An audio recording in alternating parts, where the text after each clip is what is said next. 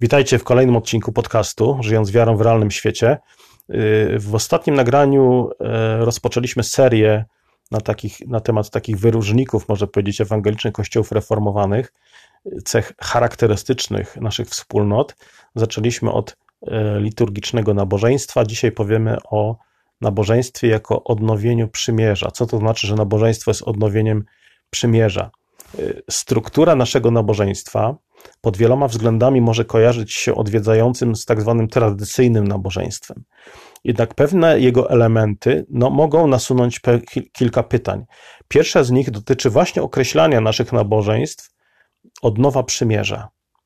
Nie, chcę, no nie, nie chcemy przez to powiedzieć, że nasze przymierze z Bogiem zawarte jest na pewien ograniczony czas i że może wygasnąć niczym dzierżawa, jeśli jej nie odnowimy. Nasze przymierze z Bogiem jest wieczne i nie wygaśnie, ale jest również żywe, a jego celem jest rozwój oraz rozkwit. Tak jak seksualne zjednoczenie odnawia małżeństwo albo posiłek odnawia ciało, tak nabożeństwo odnawia nasze przymierze z Bogiem. Drugim elementem odnowienia przymierza, wymagającym wyjaśnienia, jest model lub struktura nabożeństwa, która obkłada je okładkami, i te okładki to jest otwarcie, to jest początek nabożeństwa i jego zamknięcie. Czyli kiedy pastor ogłasza wezwanie do uwielbienia, do nabożeństwa, zwołuje wiernych na zgromadzenie przed Bogiem. Na zakończenie zaś, kiedy rozsyła Kościół ze słowami błogosławieństwa, lud Boży zostaje wysłany na świat, aby być solą i światłem. Czyli tutaj mamy te dwie okładki. Natomiast wnętrze nabożeństwa oparte jest na trzyczęściowej strukturze, którą stanowią wyznanie grzechów, uświęcenie i komunia.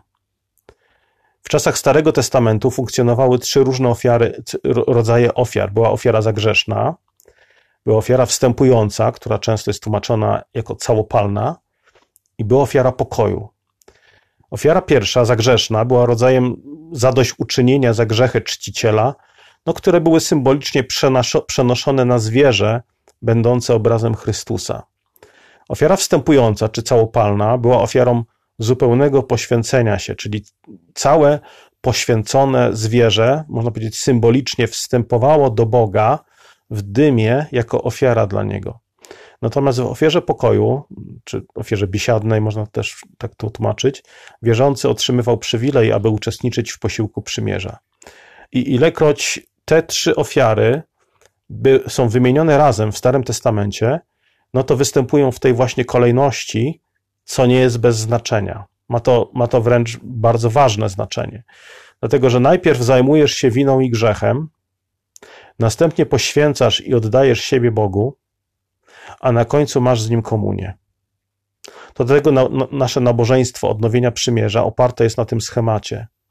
Jednak w Nowym Przymierzu oczywiście nie składamy ofiar ze zwierząt, ponieważ Pan Jezus Chrystus umarł raz na zawsze, aby wypełnić cały ofiarniczy system. Był nie tylko ofiarą zagrzeszną.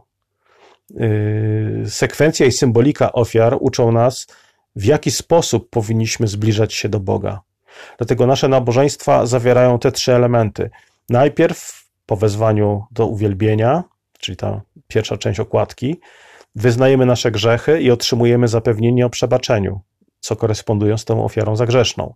Następnie poświęcamy się Bogu. Tutaj mamy czytania Pisma Świętego, kazanie, składamy ofiary y, z naszych majątności, co koresponduje z ofiarą wstępującą. I na końcu e, sprawujemy wieczerzę pańską, komunię, co nawiązuje do ofiary pokoju. I kiedy to wszystko nastąpi, mamy tutaj okładkę końcową, otrzymujemy błogosławieństwo, i wychodzimy do świata, który potrzebuje usłyszeć o naszym Panu, Jezusie Chrystusie.